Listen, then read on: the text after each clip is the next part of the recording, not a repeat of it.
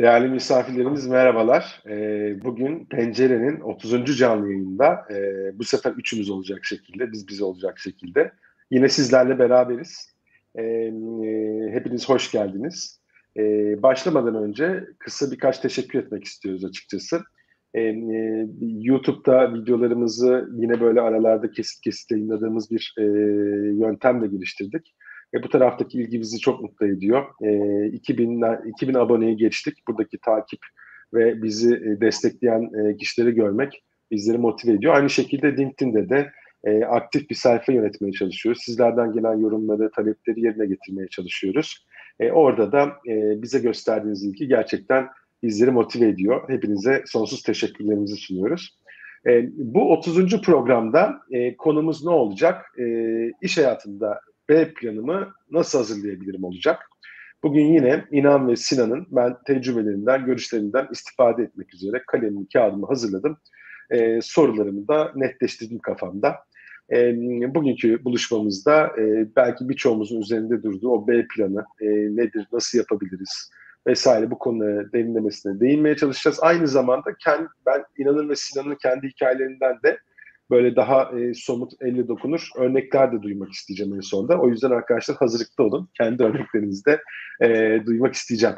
Şimdi e, klasik e, merhabamızla başlayalım da istiyorum. E, ben İstanbul Çekmeköy'den merhaba diyorum. İnan sen ne taraftasın? Tahminimce yine İzmit'tesin. Mekan, aynı mekan. İzmit'ten, Yahya Kaptan'dan herkese sevgilerimi, selamlarımı iletiyorum. İzmit'e de selamlar olsun. Sinan sen ne taraftasın? İstanbul'da mısın yoksa? Yok Tekirdağ artık bundan sonraki ikinci ev. Ee, yine Tekirdağ'dan herkese iyi akşamlar diliyorum. Nasıl oluyor yolculuk İstanbul Tekirdağ arası? Ee, umarım her şey yolunda geçiyordur. Havalar da yumuşadı.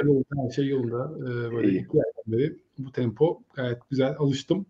Bakalım inşallah da güzel devam eder. İyi harika. Ee, ben uzatmadan artık konuya geçmek istiyorum e, izninizle. Ee, ama değerli misafirlerimize nelerden katıldığını görürsek e, böyle farklı yerleri görünce özellikle çok mutlu oluyoruz, motive oluyoruz. Şimdi bu B planı konusu enteresan bir şey. Bir kere kavramdan bahsediyoruz burada. O yüzden bunu bir netleştirmek isteyeceğim e, sizlerle e, ilk sorumda. E, ama şunu söylemek isterim. Hep o e, çok yaygın şekilde kullandığımız şey vardır ya biz hayatta planlar yaparız. Hayatsa aslında bildiğini okur gibilerden. Örnek vereyim e, en basit haliyle ben işte bu hafta içerisinde bütün iş programımı e, güncellemiştim. Onu programımı yapmıştım. Perşembe Cuma'da e, beni çok heyecanlandıran bir konu için aslında e, izin programı ayarlamıştım. Hafta sonuyla birleştirecektim. Covid oldu. bütün planlar suya düştü. E, çok şükür iyiyim, bir problemim yok. E, aşılar sağ olsun, çok hafif geçiriyoruz. Hatta belki nezle deyip geçecektik öyle diyebilirim. E, keyifler yerinde ama hayat gerçekten bizim planlar yaptığımız, sonrasında da bu planların bozulduğu, tekrar uyumlanmaya çalıştığımız bir hal alıyor ister istemez. E, bu noktada ben e, bu kavramı netleştirmek isterim ilk başta sizlerle. E, B planı deyince çünkü bazen e, bir kaçış algılanıyor bazı insanların kafasında. Hani bu hayatı terk etmek başka bir hayat kurmak gibi algılanıyor. Bazı noktalarda da bir kaçıştan öte bu belirsizlikle e, mücadele tarafında veya belirsizlik ortamına uyumlanma tarafında e, değişimin hakim olduğu dünyaya bir uyumlanma yöntemi olarak ele alınıyor. Ben e, en azından e, bizi izleyenler bu bu program dahilinde B planını e, kavramsal olarak nasıl tanımladığımızı, nasıl ele alacağımızı e, net şekilde bilsinler diye ilk soru olarak bununla başlamak istedim. E, inan izninle senle başlamak isterim. E, nedir bu B planı? Nasıl tanımlıyorsun? Senin pencerenden nasıl tanımlanıyor bu konu? Şimdi B planı deyince ben iki farklı pencereden görüyorum. E, ikisini açıklık getirdikten sonra aslında bir pencere üzerin, bir pencereden gördüğüm tanım üzerinden ilerleyeceğim ben programda. E, bir tanesi iş hayatında B planı olarak görüyorum. Diğeri de özel hayatta. İş hayatında gördüğüm B planı yine ikiye ayırıyorum. E, bir tanesi mevcut yaptığınız işe ek olarak size ek gelir sağlayacak bir modele sahip olmak. Yani gidersiniz bir şirkette beyaz yakalı olarak çalışırsınız ama başka yeteneklerinizle özellikle dijital platformları kullanarak ek gelir elde edersiniz. Benim B planıyla anladığım e, iş hayatındaki maddelerden bir tanesi bu. İkincisi ise kurum içi B planı. Kurum içi B planı ise e, bir şirkette örneğin planlama uzmanı olarak çalışıyorsunuz ama şirkette farklı disiplinlerde yine görev alıp oradaki ünvanları kariyerinize ekleyebilirsin. Mesela çevik koçu son dönemde agile koçu olmak. Yani kendi işinde devam edersiniz ama çevik koçu ile ilgili bir eğitim varsa oraya aday olup orada projeler yapmak veya alt sigma konusunda sarı kuşak olmak, yeşil kuşak olmak veya kara kuşak olmak, projeler liderlik etmek veya da şirkette iç eğitmen olmak. Bütün bunlar kendi yaptığınız işe ek olarak taktığınız bilezikler aslında. Benim burada gördüğüm kurum içi B planı da yaptığınız işe ek olarak kurumda farklı bir ünvan ile de görev yapmak. Anladığım bir pencere bu. Baktığım bir pencere bu. Diğer pencere ise özel hayattaki kurduğunuz her bir bağ benim için bir B planı. Yani biz işte normalde özel hayatımızı baktığınız zaman çok kısıtlı yaşıyoruz. İşte 45 saatimiz e, işte geçiyor teorik olarak. Çok daha fazlasını yaşıyoruz. İşten çıktığımız zamanlarda da bu cep telefonları ile birlikte zihnimiz hala işte kalıyor. Kendimiz için e, çok fazla vakit ayıramıyoruz çoğu zaman. Ama bu da işte işte yaşadığımız bir hayal kırıklığı veya bir kayıp bütün hayatınızı alt üst edebiliyor. Benim buradaki hayattaki B planım ise sizi hayata bağlayan her bir bağ aslında B planı. İş dışında sizi hayata bağlayan bu bir spor olabilir. Bu üye olduğunuz ve aktif olarak çalıştığınız bir dernek olabilir. Veyahut da sahip olduğunuz bir hobi olabilir. Bütün bunlar sizi hayata bağlayan birer bağdır ve bu bağlar ne kadar sayıca fazlaysa ve de güçlüyse işte yaşadığınız bir hayal kırıklığı veya bir kayıp durumunda hayata çok daha sıkı sarılabilirsiniz ve sıkı sarıldığınız zaman da motivasyonunuzu sağlayıp yine yeni bir işe çok daha rahat adım atabilirsiniz. Benim gördüğüm iki farklı pencere bu ama bundan sonraki konuşmamı daha çok birinci pencereden gördüğüm üzerine odaklanacağım. Kurum içi B planı ve ek gelir modelleri üzerine konumlandıracağım sevgili Emre.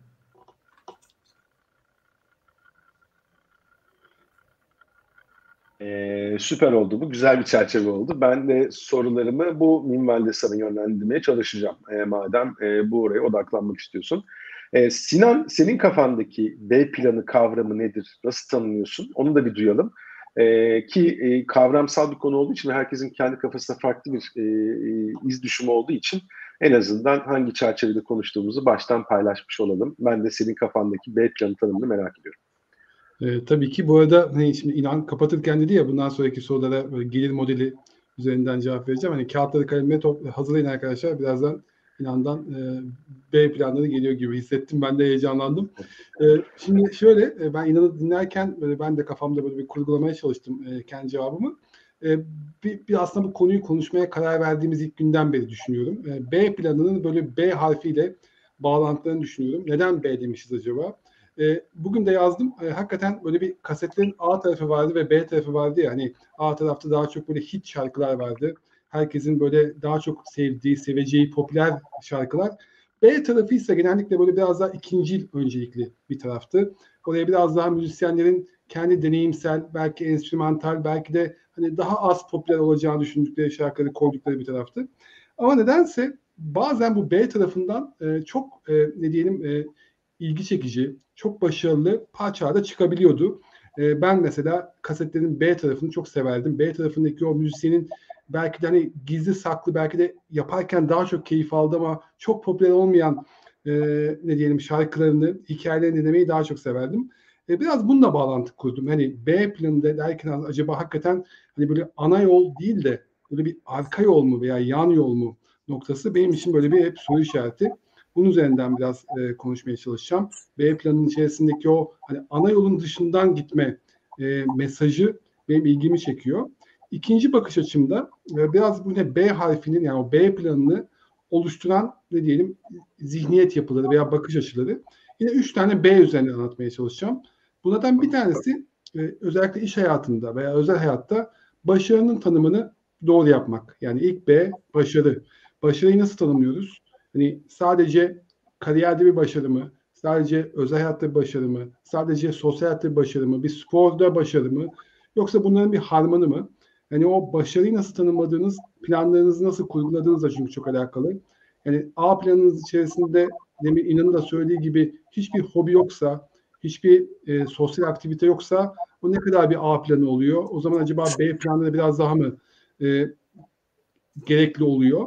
Bu ilk başlık e, a, e, başarı. İkincisi sanıyorum bugün içinden geçtiğimiz dünyada B planlarının daha da e, kıymetli yapan şey belirsizlikler belirsizliklerle başa çıkmak. Çünkü B planlarına ne ihtiyaç duyuyoruz? A planında giderken yolda kaybolduğumuzu hissediyoruz. Planın doğruluğunu sorguluyoruz. Acaba bu plan benim başta kurguladığım plan mı diye kendi kendimize sorular sormaya başlıyoruz. İşte o gibi zamanlarda daha çok B planlarına ihtiyaç duyuyoruz. O yüzden yine bu belirsizliklerle başa çıkmak benim ikinci e, adımım. Üçüncü ve son B ise bağ kurmak. İnan da bahsetti. E, ben bağ kurmayı biraz daha hani özellikle profesyonel hayatta, sosyal hayatta veya yine e, ne diyelim e, kişisel e, ilişkilerimizdeki e, o e, birbirinden farklı ama birbirini destekleyen noktalardan ne kadar e, bağ kurabildiğimizle ve bunu nasıl hani yine B planına dönüştürebildiğimizle e, anlamaya çalışıyorum. E, temelde aslında toparlayacak olursam hani B planının kapısını açmak için üç tane B'ye daha ihtiyaç var. Bir tanesi başarıyı doğru tanımlamak, bir tanesi belirsizlikleri yönetmek, bir tanesi de bağ kurarak bunları birbirine e, iliştirmek diye düşünüyorum Emre. Süper, çok teşekkürler. Ee, bu, bu B harflerini kullanma geçenlerde yaptığım paylaşımda da vardı. Güzel, akılda kalıcı bir yöntem. Ee, aydınlatıcı bir yöntem. Çok sağ ol, eksik olma. Ya bu tarafta ben şuna da değinmek istiyorum izninizle. Şimdi B planı deyince e, genelde biz işte son dönemde daha da ön plana çıktı. E, Doktor Yılmaz Ergülen'in çok e, sevdiğim e, yazıları var. E, yakından takip ederim. E, elimden geldiğince hatta geriye dönüp bazı kavramları kafamda tazelemek için. Yani çok tecrübeli insanların yıllar içerisinde oluşturduğu tecrübelerde o kadar rafine sözcükler çıkabiliyor ki bazen e, gerçekten bu insanı mutlu ediyor ve bir, e, tekrar tazelenmesini sağlıyor. Geçenlerde bir paylaşım olmuştu. Bu senaryo bazı düşünme üzerine.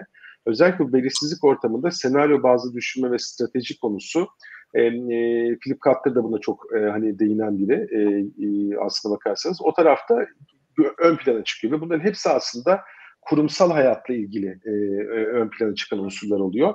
Şimdi e, benim amacım ağırlıklı olarak bugün e, kişisel e, B planlarımız üzerinde durmak ama e, ben bu tarafta e, kurumların attığı adımlardan da feyz alabileceğimizi düşünüyorum aslında bakarsanız. Mesela işte senaryo bazlı düşünmeyi kendi kariyerimiz için yapıyor muyuz, e, neden yapmıyoruz, yapmamız neden önemlidir gibilerden. Bir de e, bugünlerde aslında kurumsal, e, kişisel tarafa odaklanmak istesem de kurumsal hayata da bir nebze de olsa bir kuple dokunmak isterim izninizle. Sinan bu soruyu da sana yönelteyim sıcağı sıcağına. E, hazır seni ısındırdık. E, yani e, son dönemde pandemi yaşadık, ekonomik kriz vardı öncesinde sonra pandemiyle ekonomik kriz farklı bir şekil aldı. Savaş girdi hayatımıza. Yarın ne olacağını bilmiyoruz. E, gerçekten e, beklenmeyeni beklediğimiz bir dünyadayız. Şimdi böyle, hayat böyle olunca e, kurumların e, B planları, kurumsal B planları bu işi tamamen değiştirmek midir? İş alanını tamamen değiştirmek midir? E, tartışılır. Çünkü hani bakıyoruz e, işte kurumlar venture capital'lar kurdu. Gidip farklı girişimlere de destek olabilirler. Kendi alanlarından e, şi, e, girişimlere de destek olabiliyorlar. Veya daha minör anlamda işte offshoring'den e, nearshoring'e geçme veya işte e, enerji e, riskini azaltma gibi yöntemleri var. Burada kurumlar neler yaptı son dönemde bu B planı konusunda yaşadıklarının üzerine senden biraz dinleyebilirsek sonrasında ben inana dönüp e, biraz daha kişisel tarafa değinmek isteyeceğim e, diyorum ve topu sana attım Sinan. Sağ ol Emre. E, şimdi e, kurumlar tarafı bence biraz böyle bir hani yumurta tavuk meselesi gibi. Sen de çok güzel söyledin. Hani insanların B planı aslında kurumların B planı haline gelebiliyor veya kurumların B planı insanların B planlarını da tetikleyebiliyor. E, ben burada e, her zaman kullanmayı sevdiğim sevgili Ufuk Tarhan'ın bu T insan yaklaşımının aslında organizasyonlarda da bir vücut bulabileceğini düşünüyorum ve T organizasyon yaklaşımının çok kıymetli olduğunu düşünüyorum. Çünkü bugün T organizasyon yaklaşımı evet bir konuda uzmanlaşmış, bir konuda e, ne diyelim iş modelini derinleştirmiş ve buradan gerçekten de e, işte gelir elde edebilen, değer yaratabilen ve bu değer karşısında sürdürülebilirliğini sağlayan şirketlere her zaman ihtiyaç var ama bugünün dünyasında dediğim gibi pandemide de gördük ki bu sadece bir konuda derinleşmek çok da yetmeyebiliyor veya yumurtaların hepsini aynı sepete koymak e, bizi çok zor durumda bırakabiliyor. E, bununla ilgili verdiğim iki örnek oluyor benim hani şirketler üzerinden. Bir tanesi bu ülkemizde de gösteriler yapan Cirque de Soleil, bu güneş sirki adını verdiğimiz e, sirk dünyasını baştan yaratan e, bir örnek. E, biliyorsunuz hani e, geçmişte sirkler daha çok hayvanlarla e, özdeşleşmiş. Biraz daha işte e, ne diyeyim çocuklara yönelik biraz daha farklı bir eğlenceyken Cirque du Soleil sektöre girip bütün sirk endüstrisi baştan tanımlayan bir kurumdu. Çünkü yaptığı şey aslında hayvanlardan daha çok akrobasiye, işte çocuklardan daha çok yetişkinlere, e, işte o kol, rahatsız koltuklardan, çadırdan çok daha Broadway tarzı bir show mekanlarına taşıyarak e, sirki baştan tanımladı. Fakat pandemi döneminde battı. Neden battı? Çünkü yumurtaların hepsini tek sepete koydu. Gelir modelini sadece canlı gösteriler üzerine kurguladı ve bu yüzden de e, pandemi gibi kimsenin beklemediği bir durumda e, farklı gelir kaynakları yaratamadığı için de maalesef battı. E, bunun tam karşısında kim var? Bunun tam karşısında başka bir dev var, Disney. Disney bugün e, belki sadece bir e, film stüdyosu olarak doğdu. Fakat bugün otelleri var, gemileri var, eğlence parkları var. Bugün işte Haziran ayında ülkemize de açılacak olan Disney Plus dijital platformu var. Yani düşün, düşündüğünüz zaman ne kadar fazla gelir kaynağı var. Bir gelir kaynağında yaşayacağı herhangi bir riski bir başkasıyla karşılamak mümkün ve derinleşmek mümkün. Tam bir T-organizasyon örneği. Şimdi bu işin e, T-organizasyon boyutu ama kurumların yapabileceği başka şeyler de var. T-organizasyon kurmak o kadar kolay olmayabilir ama bugün kurumların özellikle kendi insan kaynaklarından çok daha fazla faydalanabilecekleri, onların e, kendilerini gösterebilecekleri, o işlerindeki yaratıcılığı, enerjiyi açığa çıkartabilecekleri fırsatlar var. E, bugün ben e, geçtiğimiz hafta başlayan, bugün devam eden bir e, inovasyon haftası süreci içerisindeyim. E, sevgili Tolga da bugün bizimle şimdi az önce mesajını da gördüm. E, Tolga ve Ayda var e, bizim e, Polisan Holding'de. E, sağ olsunlar böyle bir e, kurum içi girişimciliği ön plana çıkartmak için yaklaşık hani benim bildiğim kısmı nereden baksanız bir 6 ay, bir seneden beri çalışıyorlar. Ben de elimden geldiğince onlara destek vermeye çalışıyorum. Yapmaya çalıştığımız şey tam da bu aslında. Şirket içerisindeki bu cevherleri açığa çıkartmak, hayal mühendisliği diyoruz biz buna. Hayal mühendisliğini mümkün kılmak ve bu sayede aslında o kurum içerisindeki o, o hani B planlarını e, şirkete de fayda sağlayacak şekilde e, ortaya koymak. E, buradan hani benim gördüğüm yurt dışındaki iki örnek, yani yurt içinde şu an içinde bulunduğum ve bulmaktan da büyük zevk aldığım bir örnek. E, bunun e, mümkün olduğunu gösteriyor Emre ve bunu yapmazsak da gerçekten de kurumların B planı olmazsa kişilerin B planlarının çok daha zorlanacağını düşünüyorum. Ee, sağ ol Sinan. Bu yeni yolculuğunuzda da e, başarılar diliyorum. Umarım hayallerinizden daha güz ötede güzellikte çıktığınız olur. Tolga Bey de buradan selamlar olsun. Şimdi e, tamam B planı konusunu irdelediğimizde mesela senin anlattıklarından aklıma şu da geldi.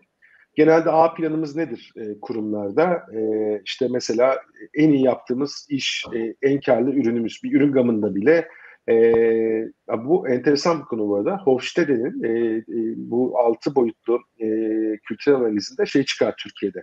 Biz uzun vadeli göreceli olarak diğer kültürlerle karşılaştırıldığında o kadar belirsizlik içerisinde yaşıyoruz ki orta uzun vade düşünme şeyinden çok kısa vadeli düşünme eğilimindeyiz. Hal böyle olunca A planları eğer işliyorsa A planı üzerine gitmek çok mümkün. Örnek veriyorum. Bugün bir zincir e, işte market e, sistematiği düşünelim. E, iyi yaptıkları bir sistem var, komplike bir sistem var, oturtulmuş bir şey ama işte getir gibi bir şey çıkıyor. Bir işte o gayrimenkulleri de olan büyük bir yapıdan çok daha yüksek bir değere ulaşabiliyor. Bu noktada aslında ben e, orta ve uzun vadeli düşünmenin de faydalı olduğunu düşünüyorum. Aksi takdirde A planına çok fazla gömüldüğümüzde ne oluyor? E, e, mesleki körlükler, körlükler oluşmaya başlıyor. O zihnimizdeki e, hiç olmayan ama varlığını her zaman hissettiren kutular oluşuyor ve o kutuların ötesine geçmekte zorlanıyoruz. Aynı şey bana sorarsanız kişisel kariyerimizde de geçerli. Bu noktada da İnan'a pas atmak istiyorum. İnan'ın çok sevdiğim, tekrar tekrar okudum. Hatta e, geçenlerde yine bir yönetici e, arkadaşıma tavsiye ettim. Hatta kendim alıp hediye ettim. E, kitabı dijital e, yakalılar konusu, beyaz yakalının dijital yakalıya dönüşüm konusunda bu konuya değiniyor. Yani bizim aslında biraz daha farklı düşünüp gelişmeleri, dünyanın gittiği yönü e, fark edip e, hem kurum içerisinde bizim kendimize B planları hazırlamamız lazım. Bunun için de yetkinliklerimizi farklı yönlerde geliştirmemiz lazım tarzında güzel örnekleri vardı. Biraz önce de üzerinde durdu. Ben bu noktada e, kişisel B planı geliştirmenin de çok değerli olduğuna inanan biri olarak sizin de bu inançta olduğunuzu biliyorum. Pası inana atıyorum. E, önce inandan dinleyelim. Senin pencerenden kişisel kariyerlerimizde B planı oluşturmak e, neden önemli? E, bunu bir dinleyebilirsek çok mutlu olurum inan.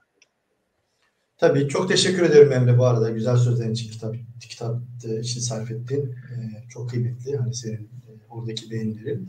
Sorunun cevabı için yine bir üçleme ile cevap vereyim. Sonda bir ekleme yapayım. 3 artı 1 olsun. Ee, öncelikle niye B planına ihtiyacımız var veya B planın sağladığı avantajlar ne dersen bir tanesi güvende hissettirir B planına sahip olmak. Çünkü e, çok hızlı değişen bir dünyadayız. E, dengeler bir anda değişiyor. Sinan çok güzel örnekler verdi. Bizzat içinde yaşıyoruz.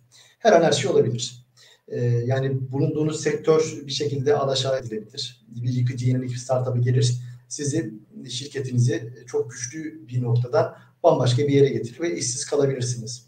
E, işsiz kalmanın durumunda dahi e, böyle bir durum dışında da baktığınız zaman özel sektör çalışıyorsanız özel sektördeki şirketin sizinle bağları koparması çok olasıdır. Ee, yani karşılıklı beklentiler uymaz.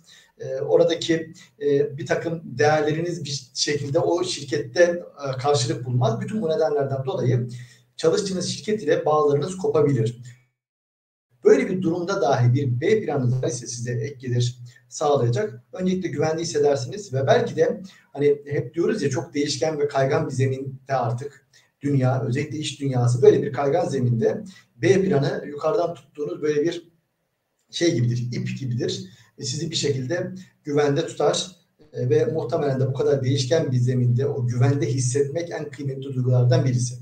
Birincisi bu. İkincisi eğer ki çalıştığınız dönemde bir B planınız varsa ek gelir modeli sağlayan çalıştığınız şirkette başınız dik gezersin. Ne demek istiyorum? Sonuçta adalet yüzde yüz hiçbir yerde hayata geçmiyor.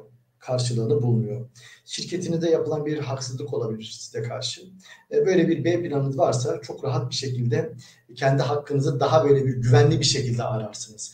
Ben işte bunu söylersem işimi kaybederim, yok beni çizerler korkusu olmadan çıkıp dobra dobra söylemenize yardımcı olur e, B planı sahibi olmak.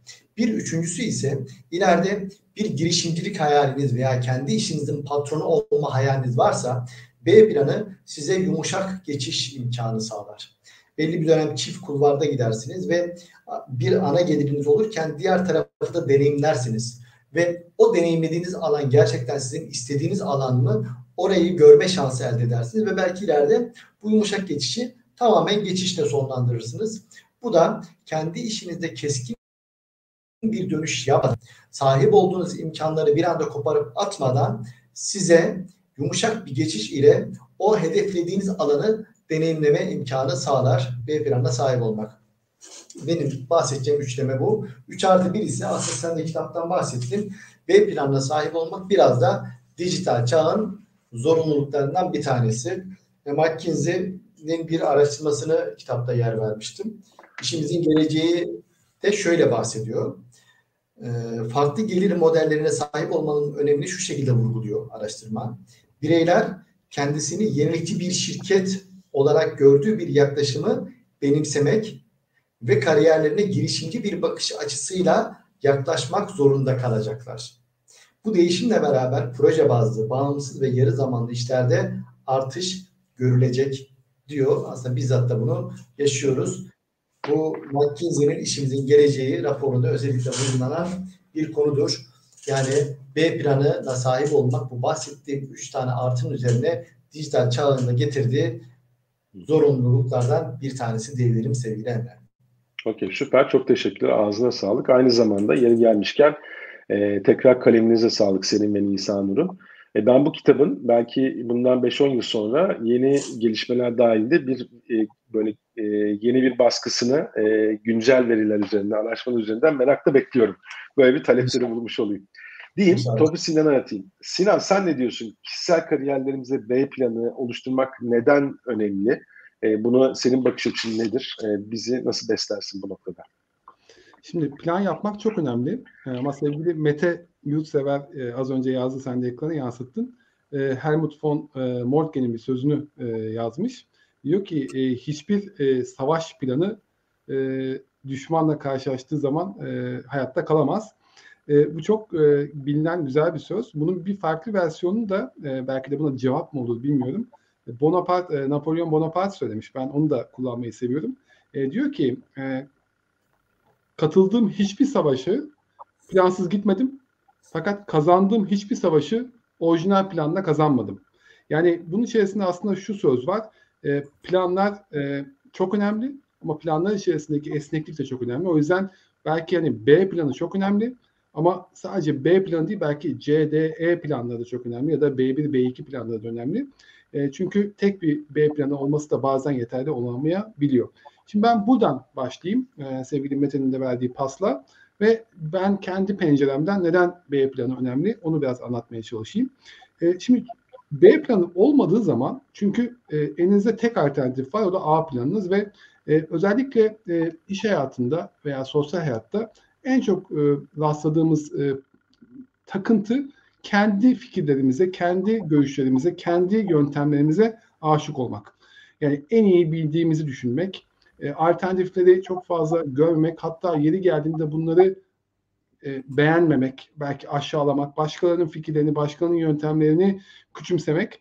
E, bunu e, A planımıza takıntılı olduğumuz zamanlarda daha çok yapıyoruz doğal olarak. Çünkü düşünüyoruz ki bizim yöntemimiz en iyisi, bizim fikrimiz en iyisi, bizim e, yaptığımız iş en doğru iş. E, bu e, B planı yolculuğuna çıktığımız zaman aslında kendi A planımızı ve oradaki varsayımları da sorgulamaya başlıyoruz. O yüzden yani B planı yolculuğuna çıkmak bir kere çok önemli. İkinci başlık e, B planı yolculuğuna çıktığınız zaman bir kere şunu kabul ediyorsunuz. Benim bildiğim şeylerin dışında başka şeyler de var. Yani benim bakış açılarımın dışında farklı bakış açıları da var. Benim düşüncelerimin dışında farklı düşünceler de var. Ve bunlar aslında bana yeni yollar açabiliyor. E, o yüzden o sürekli öğrenme e, yolculuğunun aslında başlangıç noktası oluyor. Bu B planı arayışı. B planı arayışı içerisindeyken öğrenmeyi, sürekli öğrenmeyi, yine işte bildiklerimizi unutmayı ve yeniden öğrenmeyi aslında bir düstur haline getiriyoruz. O yüzden B planı yolculuğu bu anlamda da bence kıymetli. E, üçüncü ve son e, başlık da şu. Özellikle B planı yoluna çıktığımız zaman e, kendimizi böyle patikalarda buluyoruz. Yani A planımızı böyle ana yollar gibi düşünecek olursak veya otoyollar gibi hayal edecek olursak doğal olarak B planlarının yolu o kadar da açık değil. O kadar da tanımlı değil. O kadar da ışıklı değil. Ama e, kendinizi böyle bir e, ne diyelim yürüyüş yaptığınızı düşünün veya işte bir e, e, koşuya çıktığınızı düşünün. Böyle ana yolda asfalttan mı koşmaktan daha çok keyif alırsınız yoksa biraz böyle bir patikadan, bir orman yolundan, belki biraz daha sağınızdan, solunuzdan kuş sesleri duydunuz. Önünüzü çok da böyle e, uzun vadede göremediğiniz ama onun belirsizliğin e, veya ne diyelim e, o e, kuşkunun getirdiği heyecanla biraz daha böyle şevkle yürüdüğünüz bir yolu veya koştuğunuz yolu mu tercih edersiniz? İnsan psikolojisi sanki biraz daha bu ikinci yolu tercih ediyor. Burada o bilinmezlik, oradaki o belki de sonunda çıkacak olan o sürpriz biraz motive ediyor diye düşünüyorum. O yüzden B planı yolculuğuna çıktığınız zaman da bu hani ana yollardan patikalara e, geçmeyi de kabul ediyorsunuz. E, ben kendi kariyerimden e, örnekler de vereceğim. Şimdi çok da fazla uzatmayayım ama e, ben kendi kariyerimde özellikle bu B yolundan gittiğim zaman, patikalardan gittiğim zaman kendimi çok daha zinde, çok daha enerjik, çok daha motive hissettim. Ve özellikle e, benim hayatım her birde B planı yolu. E, hep B planlarını tercih ettiğim yol ama hiçbirinden de pişman olmadım. O yüzden hani ben B planını böyle görüyorum ve böyle e, önemli olduğunu düşünüyorum Emre. Peki teşekkürler Sinan. Ee, tamam e, bir önemi var. Bana sorarsanız bence de önemi var. Ee, yani biz senaryo bazlı mesela düşünmeyi şu açıdan da faydalı buluruz. Biraz önce üzerinde durduğunuz için e, gündeme getirmek istedim. Senaryo bazlı e, düşünme yönteminde de strateji de olabilir, planlama da olabilir. Aslına bakarsanız e, en doğru planı yapmamız veya işte en değişmez planı yapmak için değil, en iyi planı yapmak için e, daha doğrusu en iyi zeminde planı yapabilmek için bir yöntemdir bu. Ne demek istiyorum? Tabii ki hayatın getirdiği şeyler orada e, yine onların değişmesine neden olacak ama insan beyni özellikle bir kolektif şekilde bunun üzerine kafa yorduğunda böyle bir zorlukla karşılaştığında şunu hissediyor. E, diyor ki biz bunu veya benzeri birçok şey düşündük yine yapabiliriz. Yani onun antrenmanını yapmak bile, çeşitli senaryo üzerinden düşünmek bile bir e, hazırlık aşaması, bir tatbikat, bir antrenman gibi e, düşünebiliriz. O yüzden ben de çok değerli buluyorum. Peki e, bu kişisel hayatlarımız için de geçerli. Kendi aramızda sık sık sohbetini yaparız. E, hem kendi aramızda hem de diğer arkadaşlarımızla hayata dair konuşmalarımız olur. Peki bu iş önemli. Bunda hem fikiriz. E, nasıl oluşturabiliriz bu planı? Sinan senle devam edelim. Bu süreçte nelere dikkat etmeliyiz? E, var mı senin e, önerilerin veya bize verebileceğin e, ipuçları? E, şöyle yani şimdi mutluluk içimizde gibi bir yaklaşımla tabii ki çıkmayacağım. Çünkü e, biraz dışarıdan destek gerekiyor sanki. En azından ben kendi kariyer yolculuğumda dış desteklerden faydalandım ve faydalanıyorum. E, ne demek dış destekler? E, hani bir mentörlük. Bu mentörlük eğer kurum içi olabilir veya kurum dışı olabilir ama e, sizinle benzer patikalardan gitmiş, benzer yollardan gitmiş e, bir kişiden onun yaklaşımlarını, onun yol haritasını, onun e, zorluklarını veya onun çözüm önerilerini dinlemek, e, ondan fikir almak iyi oluyor. E, kendi B planımızı oluştururken başkalarının A, B, C planlarından da faydalanmak bence buradaki ilk çıkış noktası. E, mentörlük tabii ki e, kıymetli çünkü biraz da yön gösteriyor. Ama bir de koçluk var ki aslında yolu bulduruyor. Yani aslında bize sorular sorarak e, kendi B planımızı ortaya çıkartmak için bizim içimizdeki e, enerjiyi veya işte beklentiyi biraz daha ortaya çıkartıyor. E, o yüzden hani mentörlük de olabilir, koçluk da olabilir ama ikisinden de e, faydalanmak mümkün olabilir. B planı oluşturmak için biraz dış destek gerekiyor gibi. İlla bunun bir fiziki e, insan olmasına da gerek olmayabilir. Hani koçlar ve mentörler deyince karşı kafamızda biraz daha böyle bir insani bir e, destek kaynak e, oluşuyor. Fakat e, birçok farklı kaynak da var bugün. İşte bizim e, belki de e, yani bir buçuk yıldan beri yapmaya çalıştığımız şey değil mi?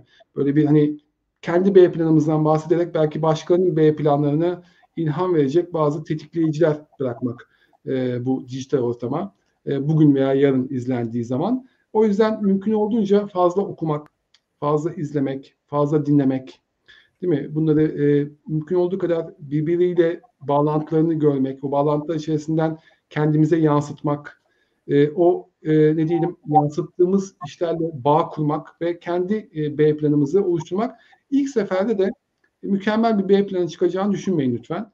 E, ama o zaman içerisinde değişecek, oluşacak. Böyle adım adım e, en azından o yolculuğa çıkmak çok çok kıymetli.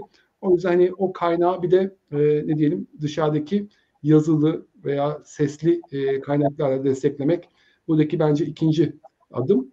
E, üçüncü ve son adımımsa e, aslında işi plan aşamasında bırakmamak. Yani bir B planı yaptık. Çok da güzel içimize de sindi. Kenara koyduk bekliyor. Biz hala A yolundan gidiyoruz. Arada A yolunda belki farklılıklar oluyor. Dönüyoruz B planımızı değiştiriyoruz yine duruyor. Evet bir güven veriyor inanın söylediği gibi.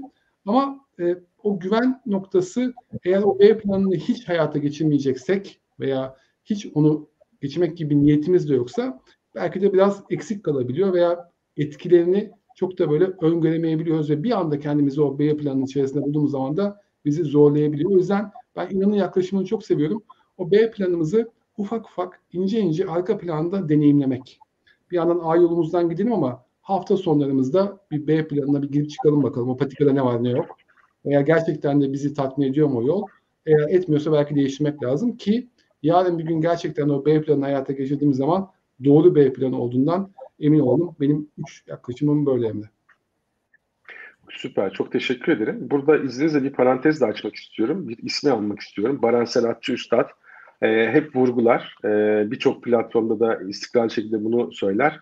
E, bunu antrene etmemiz ve bir e, simülasyon e, dahilinde de olsa bunu test etmemiz, uygulamaya koymamız kafamızda bir şey varsa. E, mesela işte strateji tarafında onların yaptıkları, uyguladıkları bazı yöntemler var gerçekten simüle ettikleri bir ortamda aslında o kararları vesaireleri test edebiliyorsunuz. E, çünkü kağıtta olduğu gibi olmuyor onu uygulamak. E, bu bir gerçek. Hatta burada da bir parantez açayım. E, sevgili Özgür bizim ekibimizden e, bir sorusu var. E, öğren, e, mezun olmaya yakın öğrencilerin B planından yanı sıra ekstra plana daha ihtiyaçları var mıdır gibilerden. Ben buna çok kısa şöyle bir cevap vermek istedim deneyim üzerinden. E, mesela sık sık üniversitelere gidiyoruz. Biz de pencere programı olarak bu tarafta e, e, elimizden geldiğince işte mezun dernekleriyle vesaire işler yapmaya çalışıyoruz. Benim gördüğüm kadarıyla soruyorum. İşte staj yapıyor musun arkadaşım? Zorunlu stajımız yok veya zorunlu staj bizde bir tane. Üniversite zamanı o kadar güzel bir şey ki aslında B planını oluşturmak için veya bazı şeyleri deneyimlemek için o yemeği tatmak için en azından tattığınızda çünkü diyorsunuz ki bu yemek bana hiç göre değil veya B planınızı kafanızda oluşturabilmek için güzel bir fırsat aslında üniversite süreci. Aklıma bu geldi deneyim dediğinde. İnan şimdi sana dönelim ve senin yorumlarını alalım izninle. E, nasıl kurgulayabiliriz B planımızı? Bu süreçte nelere dikkat edebiliriz? Tabii memnuniyetle ama müsaade edersen Özgür'ün sorusuna iki cümlede katkı sağlamak istiyorum. Tabii ki. Burada tabii A ki. planı var. Zaten hali hazırda geri elde ettiğimiz. Bir de B planı elde ediyoruz. Daha doğrusu üzerine yatırım yapıyoruz. Üzerine bir de C planı koymak bizim iş kalitemizi düşürebilir. Buna dikkat etmemiz gerektiğini düşünüyorum. Yani Hı hı. sonuçta A amiral gemimiz, B yan taraftaki o yürüdüğümüz yol üzerine C, D koyarsak bu sefer A'daki ve B'deki konsantrasyonumuzu kaybedip ki zaman çok de- değerli ve de kısıtlı. Bu sefer iş kalitesi düşer. Bunu bir dengede yürütmek gerektiğini düşünüyorum. Ee, bu e, katkıyı da sağlamak isterim. Peki Sinan Evet. senin bir yorumun var mı? Hazır bu soru üzerindeyken. E, onu da alayım. Sonra İnan'a pası atayım. E, daha odaklı şekilde ilerleyelim. Ben valla pası inana atmak için e, bir söz alırdım. Çünkü dedi ya hani böyle kayıt Tamam, kağıtları kalemleri hazırlayın. Gelir modelleri vereceğim diye. Ben acaba dedim Özgür'ün de işine yarayabilir mi o planlar? O yüzden oradan onu merak etmiştim. Tamam peki oldu o zaman. İnan e, tekrar e, soruma dönüyorum. E, Sinan'dan dinlediğimiz üzere onun penceresinden e, biraz aydınlandık. Senin bakış açından e, B planını nasıl oluşturabiliriz? Bu süreçte nelere dikkat edebiliriz? Tabii ben birkaç tane öneride bulunacağım kendim e, deneyimledim Lütfen. naçizane. Öncelikle e, ben özellikle iş hayatında belli bir gelir olan insanların yumuşak geçişi tercih etmelerini tavsiye ediyorum. Ben de öyle yaptım. E, kendi kurumsal e, kariyerimde farklı bir platforma geçerken. Ne demek bu? E, bir gelir modeliniz var halihazırda. E, severek yaptığınız bir iş de var veya böyle yeteneğinizin olduğunu düşündüğünüz bir alan var. Oradan da para kazandığınızı gördünüz. Kendi işinizden ayrılmadan o tarafta ufaktan e, bu konuda profesyonel çalışmalar yapmak e, bence e, ek gelir modeli elde etmek adına çok kıymetli. E, ben kurumsal hayatta yönetici olarak çalıştığım yaklaşık 5-6 yıl boyunca aynı zamanda eğitmen kimliği ile birlikte bir eğitim kurumu çatısı altında hafta sonları eğitim ve seminerler verdim. Bu bana e, müthiş bir deneyim kazandırdı ve aynı zamanda kendi işimden, o mesleğimden kazandığımın ek olarak bu taraftan da gelir elde ettim. Ama gelirden daha kıymetli olan deneyimi elde ettim. Ve bu tarafta eğitmen ve danışman kimliğiyle gidebilirim dediğim zaman zaten halihazırda orada bir e, hani İngilizce tabirle bir bağlantı ağım, network'üm vardı. Ben de orada deneyimledim ve kendimin yapabileceğine inancım arttı. Öncelikle tavsiyem bir geçişi direkt, keskin birini bırakıp doğrudan diğerine başlamaktan ziyade ana gelir modelinize ek yan gelirler yaparak ve buna emek harcayarak yapmanızı tavsiye ederim. İkincisi burada çok örnekte veriyorum ama iki gayinin önemli olduğunu düşünüyorum. Yani sevdiğiniz işine, iyi yaptığınız işine, dünyanın ihtiyacı olan işine ve neden para kazanabilirsiniz? Bu dörtlü üzerine gerçekten kafa yorduğunuz zaman, bu konuda araştırmalar yaptığınız zaman o kesişim alanı sizi doğru yola yönlendiriyor. Aksi halde şu oluyor ya bak bu güzel bir iş yapmış oradan da güzel şeyler kazanıyor, para kazanıyor ben onu da yapayım. Ama senin iki gayın orada değilse, sen ona yetkin değilsen, o işi sevmiyorsan o havada kalıyor. Başkasının hayalini hayata geçirmek zorunda kalıyorsun. Bu nedenle gerçekten sen ne istiyorsun, neyi sevmekten keyif alıyorsun bu önemli. Çünkü yapmaktan keyif almadığınız bir işin size gelir getirmesi maalesef süreklilik arz etmiyor. O sürekliliği sağlamak gerçekten işi sevmek ile mümkün oluyor. Bir üçüncüsü dijital platformları dijital çağda etkin kullanmak gerektiğini düşünüyorum. İşte bir konuda derinlemesine uzmanlık sahibi olmak, işte Sinan da bahsetti, e, Sabancı'nın sözüydü galiba, bir şeyin her şeyi, her şeyin bir şeyini bilmek. Burada bir şeyi derinlemesine bildikten sonra o uzmanlık konusunda dijital platformlarda danışmanlıklar vermek, projeler almak, bununla ilgili çok güzel yararlanabileceğiniz siteler var. Onlardan birkaç isim vermek gerekirse Upwork, Expertera, Taptel gibi freelance platformları var. Buralarda kendi işinize ek olarak yarattığınız profiller ile birlikte ek işler alabiliyorsunuz. Kolay değil ama imkansız da değil. Yeter yeter ki burada doğru yerden doğru bildiğiniz işi e, bir şekilde yapmaya ve de satmaya çalışın. Ve de sonuncu tavsiyem ise kesinlikle aslında Sinan'ın bahsettiğine paralel farklı insan tanımak. Yani kendi profilinizdeki insanlar ile tanışmak çok kıymetli. Biz ne yapıyoruz? Kendimiz gibi insanlarla birlikteyiz. Beyaz yakalıyız. Ee, sabah 8 akşam 6 çalışan ondan sonra gidip bir yerlerde bir şeyler içen insanlarla birlikte vakit geçiriyoruz. Zaten oradan alacağımızı aldık.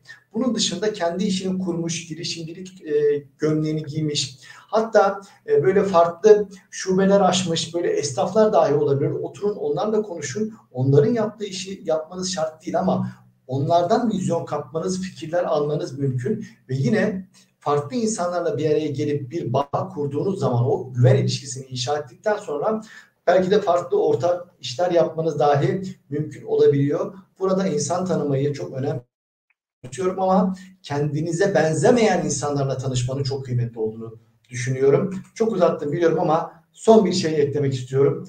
Bu da e, çok yakın zamanda duyduğum bir arkadaşının söylediği bir sözdü. Bir işi yapıyorsunuz ya hem kurumda hem de dışarıda artık o işi gösteriyor olmanız gerekiyor. Örneğin LinkedIn'de mesela ben Meral Kızılkaya'nın paylaşımlarını çok beğenirim. E, çeviklik konusunda çok güzel paylaşımlar yapar. Burada da ismini vermek istemediğim Sinan Yorgancıgil arkadaşımdan duyduğum bir sözü paylaşmak istiyorum. Şöyle diyor, reklamını yapmadan bir iş yapmak bir kıza karanlıkta göz kırpmaya benzer diyor. Ne yaptığınızı sadece siz bilirsiniz diyor. Düşünmek gerekiyor bu sözleri. Çok güzel bir sözmüş. Teşekkür ediyorum paylaştığın için. Yani yaptığınız evet. işte görünür kırmanız gerekiyor. Doğru yerde, doğru zamanda, doğru şekilde anlatmanız gerekiyor ki ek gelir modelleri sizinle buluşsun. Çok mu uzattım Emre? Kusura bakma. Yok estağfurullah ama ben e, bir direksiyona geçme ihtiyacı duydum. Çünkü karanlıkta göz kırpmalar falan değişik yerlere gidebilir. Şaka bir yana çok teşekkür ederim İnan. Bu arada üzerinde durduğum konu çok önemli bir konu. Çünkü insan e, özellikle e, bu kadar zorlu bir hayatta kendini daha güvende hissetmek için benzer insanlarla e, beraber olduğunu hissetme ihtiyacı duyuyor. Bu çok insani bir e, şey, eğilim.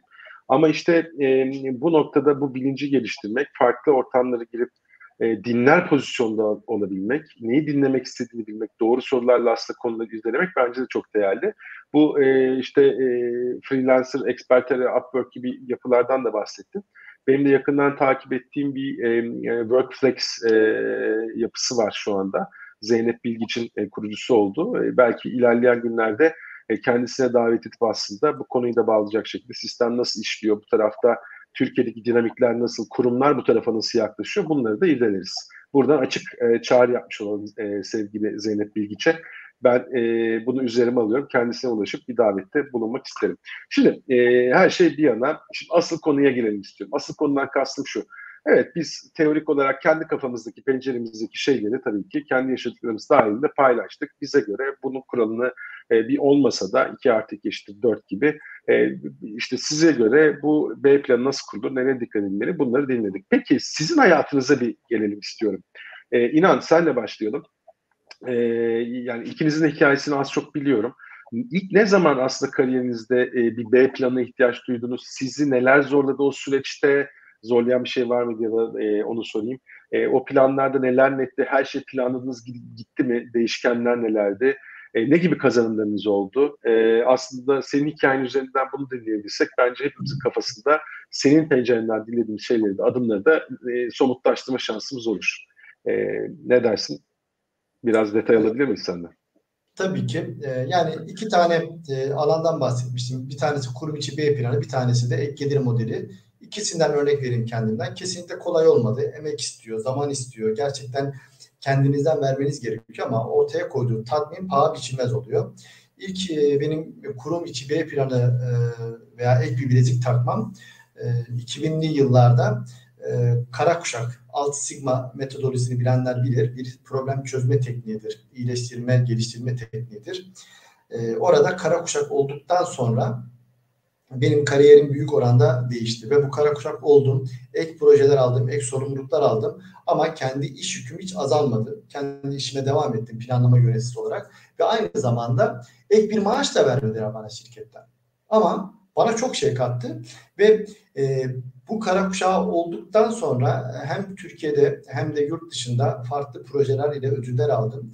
Ve tam 10 yıl sonra kara kuşağı alıp e, bu operasyonel mükemmellikte deneyim kazandıktan sonra bir holding beni davet etti ve operasyonel mükemmellik kültürünü o holdingde yaygınlaştırmam üzere bana sorumluluk verdi. E, kariyerimde e, çok böyle önemli yere sahiptir. kurum içi B planına sahip olmamdaki ilk örnek onu verebilirim. İkincisi de benim e, topluluk önünde konuşma fobim vardı. O fobiyi ben hobiye çevirdim. Bunu şimdi anlatmayayım. E, uzun bir hikayesi olabilir. Ama e, hobiye çevirdikten sonra ben bundan keyif aldığımı gördüm ve neden bunu profesyonel bir şekilde yapmayayım dedim. Ve de e, İz Gören Akademi, kulakları çınlasın oradaki e, herkese sevgilerimi iletiyorum. Onların bünyesinde eğitimler aldım ve onların bünyesinde yine kurumlara eğitimler vermeye başladım. İşte dedim ya kolay olmadı diye hafta sonları gittim, eğitimler aldım 5 hafta sonu. Ondan sonra e, İstanbul içi veya dışında hafta sonumu vererek e, orada mesailer harcamaya başladım. Ve bütün bunlar benim ortaya koyduğum emek ve süreklilik ile birlikte bana bir şeyler kazandırdı. Ve de yoluma yolumu bulmamda yardımcı oldu. Ek gelir modeli içinde bunları söyleyebilirim sevgili Emre. Ee, çok teşekkürler. Ee, Sinan topu sana atalım ama inanda aldığım şey şu. Zaman neye harcarsan orada aslında bir e, kazanım olabilir. Bunu doğru seçmek üzere zaten konuşmuştuk ama zaman ve bunu deneyimleme, emek verme e, kritik bir konu. E, burada senin e, hayatından örnekler, dönüm noktaları varsa dönüm noktaları, zorlandığın şeyler, değişen planlar. Senin hikayeni dinleyelim. E, tabii ki yani şimdi e, tahmin edebileceğiniz gibi hani B planını bilerek aslında iş hayatında veya özel hayatta e, doğmuyoruz ve bir şekilde bazı zamanlar karşımıza öyle bir durum çıkıyor ki B planı ihtiyacı yaşıyoruz ve o B planını belki de işte biraz el yordamıyla aslında oluşturuyoruz. Arkasından da deneyimliyoruz. Bakıyoruz bazen e, çalıştığını görüyoruz, bazen de çalışmadığını görüyoruz. Benim hikayem şöyle, e, ilk iş yerimde Eczacıbaşı topluluğunda hani benim şimdi okuldur. E, bugün de hala e, orada çalıştığım arkadaşlarımla e, görüşürüz ederiz ve e, çok da güzel e, anılarımız var. Ve ben bir mühendis olarak bir üretim sahasında çalışmaya başladığım zaman kendi A planım tamamen o yoldan devam etmek ve bir iyi bir mühendis olarak kariyerimde girebileceğim en iyi noktaya gelmek üzerine bir plan yola çıkmıştım. Her şey de aslında çok doğru gözüküyordu. Çok da uygun gözüküyordu. Ve keyifli bir yolculukta oluyordu. Ta ki e, benim pozisyonumun açılmasına sebep olan yatırım planının ertelenmeye başlamasıyla.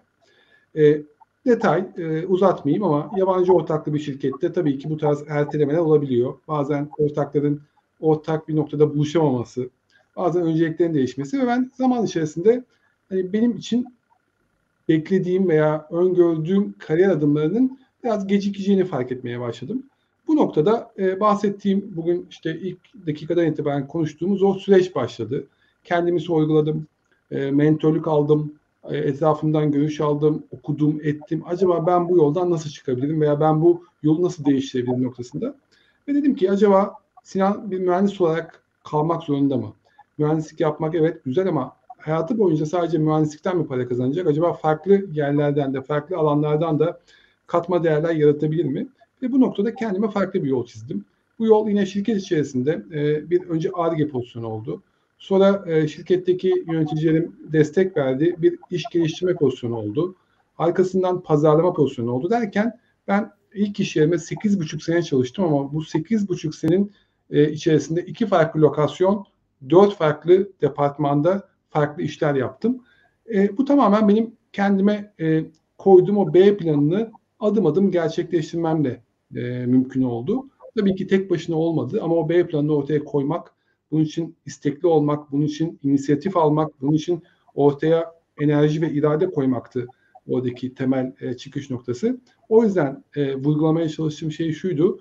B planları çok kıymetli ama B planlarını plan olarak bırakmadan onu hayata geçirmek buradaki aslında temel değişim. Yani benim böyle hayatımdaki kırılma anlarından bir tanesi olarak da anlattığım B planım buydu sevgili Emre. Vallahi çok teşekkür ederim arkadaşlar. Ee, dolu dolu bir sohbet oldu. Ee, zamanlamamız da harika gözüküyor. Ben de yani sizden aldığım notlarım var. İzninizle ben de kendi hikayemden bir kuple paylaşayım.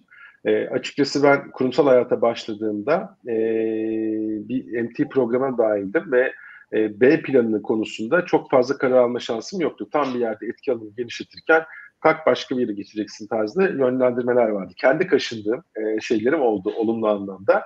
Ama genelde benim yerime karar veren e, insanlar vardı. Aslında bu B planından benim anladığım konu e, biraz etken pozisyona geçebilmek, edilgenlikten öte e, etken pozisyona geçebilmek. Şansım neydi? Gerçekten e, iyi niyetli ve benim kariyerimi düşünen, buna kafa yoran insanların yönlendirmesine e, şahit oldum. Oradan da çok beslendim. Ama ne zaman ki bir rahatsızlık geçirdim ve o çok sevdiğim kurumdan ayrılmak zorunda kaldım. Bir boşlukta hissettim kendimi. Ne yapabilirim sorusuyla karşı karşıya kaldım. Çünkü o B planına çok fazla e, zaman harcamış biri değildim. E, doğruya doğru.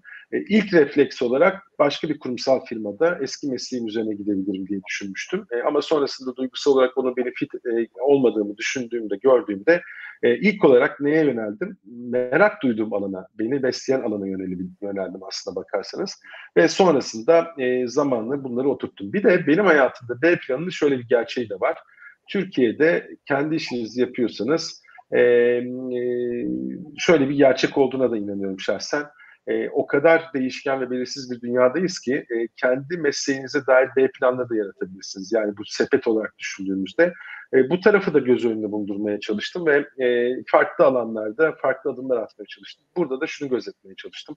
Merkezinde o merakımı veya benim kendi var olma nedenimi kafamdaki zihnimde beni işte inanın hikaye'den e, alıntı yaptığı şekilde besleyen bir bütün olsun. İki, hepsinde birbirini besleyecek bir tarafı olsun, öğrenimleri olsun. E, bunlar aslında benim kendi B planlarım oldu. Ama e, bu süreçte ben neyi yaşadım, neyi ta, e, tattım geçmişte karşılaştırdığımda insanın B planının olması aynı inanın dediği gibi e, fırtınalı bir denizde kendimizi daha güvende hissetmemize e, yardımcı olabiliyor. Bir. iki e, gerçekten e, etkin pozisyonda olduğumuzu hissediyoruz. Bir şeyi zorunda olmadığımızı hissettiğimizi e, gösteriyor bana açıkçası. Bunları da e, sizlerle paylaşmak istedim kendi hayatımdan bir e, özet olarak. E, arkadaşlar çok çok teşekkür ediyorum e, üzerine durduğunuz konular için, e, samimi paylaşımlarınız için. Yine kendi hayatınızdan örneklerle de bunu tüm samimiyetinizle paylaştınız. E, benim için e, sizlerin fikirlerini dinlemek, düşüncelerini dinlemek çok değerliydi. Değerli katılımcılarımıza, misafirlerimize de yorumları için, bizlere olan destekleri için çok teşekkür ederiz e, diyelim ve bir sonraki programa kadar şimdilik veda edelim. E, herkese güzel, keyifli bir akşam diliyorum. E, sağlıkla, sağlıcakla. İyi akşamlar. İyi akşamlar.